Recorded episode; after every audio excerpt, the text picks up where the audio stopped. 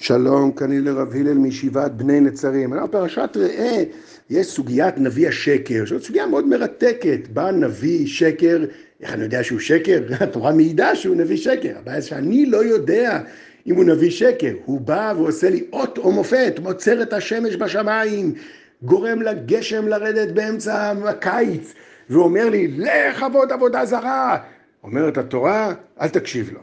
כי מנסה השם אלוקיכם אתכם לדעת הישכם אוהבים את השם אלוקיכם בכל לבבכם ובכל נפשכם. הוא מנסה אותנו, הוא צריך לדעת, אנחנו צדיקים או לא צדיקים, אנחנו הולכים אחריו או לא הולכים אחריו. כמובן הפרשה הקצרה הזאת מעלה הרבה שאלות שאפילו לא יודע כמובן תשובות לכולן, אבל ניגע בכמה מהן הפשוטות מאוד.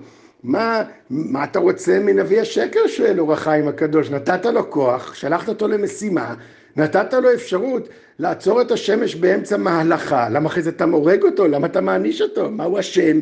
אז זו תשובה פשוטה, אומר אור החיים הקדוש, שתי פירושים, נגיד פירוש אחד, אומר, הטענה היא, הרי הקדוש ברוך הוא, הוא עשה, הנביא הזה עושה איזה נס כזה, איזה כישוף כזה, עוצר את השמש. למה לא התערבת? למה אתה לא התערבת, ריבונו של עולם, עצרת את הנס הזה מלהתרחש, את הכישוף הזה מלהתרחש?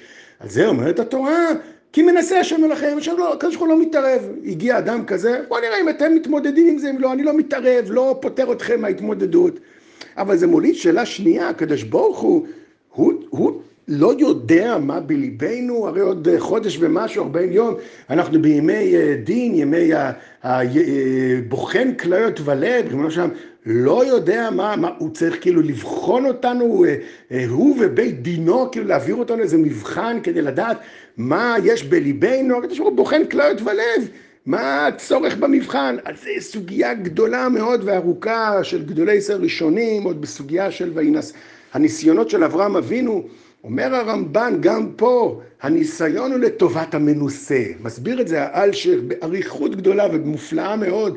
אומר, יש בך תמיד מאבק של יצר טוב ויצר רע. רק כל עוד לא התנסית, אתה לא יודע כמה חריף המאבק. אתה עלול לחשוב שכבר אין מאבק, אתה כבר, זה מאבק, כמו בעולם הישיבות, כמו שאתם יודעים, אז אחרי שאתה לומד בישיבה והכל דבקות ומתעלה, אתה יוצא לבין הזמנים, ואתה פתאום רואה, mm, היצר הרע לא נעלם, הוא שיים, ואז פתאום אתה צריך להתמודד. אם אין ניסיונות שמתגלגלים לפתחנו, עלול אדם לחשוב, אה, אני, מה הבעיה, אני... אני סבבה, המצב שלי מצוין, ואז אתה לא עובד את, עובד את עצמך בכל נפשך ובכל מאודיך. בא הניסיון להעמיד אותך מול, ה, מול הסכנה שאתה נמצא בה, לברר לעצמך את ההתמודדות. יותר מזה, אומר האלשיך, זה גם פועל הצלחה. נביא משל, אולימפיאדה, כולם מכירים, אולימפיאדה, כאשר אנשים נמצאים בתחרות בינלאומית כזאת, פלא, כל שנה שוברים שיא. למה אתה לא שובר שיא בתחרות אה, קטנה, בתוך כדי אימון? כי זה טבעו של עולם. ככל שאתה נמצא באיזו התמודדות יותר גדולה, זה מוציא ממך כוחות שלא חשבת שיש בך.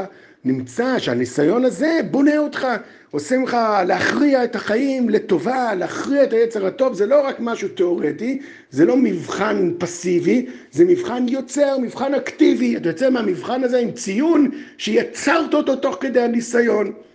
אבל הנציב מוולוז'ין שואל פה שאלה, אומר, למה בכלל יחשוב להקשיב לנביא השקר? תעשו דמיון כזה, בא איזה מישהו משום מקום, אומר שלום, תעבדו עבודה זרה נגד כל מה שאתם מכירים, והנה השמש נעצרה בשמיים. טוב, היום לצערנו אנשים אה, מקשיבים לזה, חושבים שזה עושה איזה מופת, אז כבר הם כולם חושבים שהוא איזה ריבונו של עולם. בסדר, אבל אנשים עם שכל, חכמים, התורה לא דיברה בשופטנים, אנשים טיפשים, למה שאני אקשיב לו בכלל? אומר האמת דבר, הסיפור פה אחר לגמרי.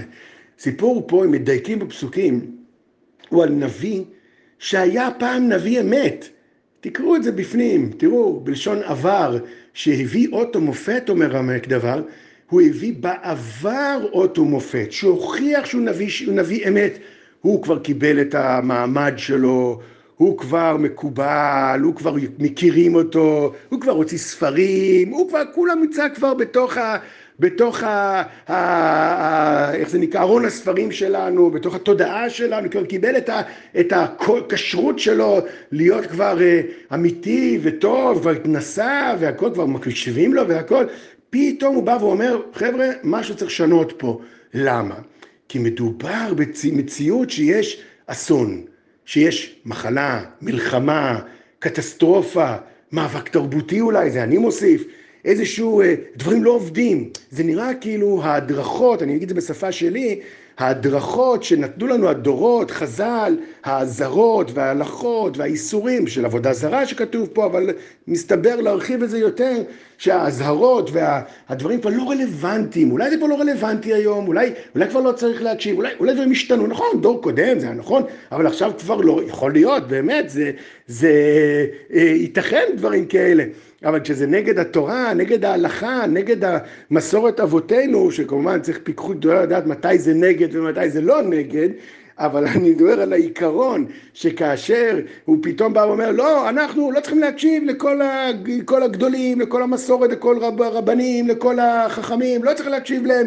על זה בעצם התורה אומרת לך, שעלול אתה לחשוב, וואי, אבל זה נראה כל כך הגיוני מה שאומר, זה נראה, זה יביא את התועלת, זה יסלק את המלחמה, זה יסלק את המחלה, זה יסלק את המגפה, זה יסלק את האסון, זה יביא שלום, אני אוסיף מילים שלי, זה יוסיף ויביא שלום, יביא רוגע, ימעט את להבות המחלוקת, אז אולי צריך להקשיב לו, אומרת התורה, לא.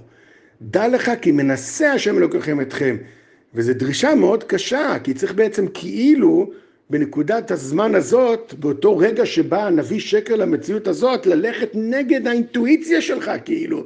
כאילו, אתה אדם, אתה אומר, וואלה, זה נראה ממש פיקס, אם אני אעשה כך, זה יביא תרופה כזאת, זה יפתור את כל הבעיות שלנו. אומרת התורה, וכמובן אני מרחיב פה בפרפרזה, התורה מדברת על נביא שקר כפשוטה ועבודה זרה, אבל התורה מלמדת אותנו דרכי עולם, דרכי חיים לכל המציאויות. אומרת התורה, יש זמנים שאתה צריך כאילו ללכת על פי הדעת ולא על פי הרגש. הדעת שלך אומר, צריך להקשיב לגדולי ישראל, גם אם זה נראה לך כל כך רחוק מהמציאות היום, כן, זה כל כך, כל כך לא, פחות uh, שייך, פחות, uh, פחות uh, רלוונטי למציאות של עכשיו, אף על פי כן צריך ללכת על פי השם, כי מנסה השם אתכם, זה ניסיונות לבנות בנו את האמונה והוודאות והדבקות בתורה ובמסורת התורה שבעל פה שבידינו. שיהיה לכם שבת שלום וכל טוב.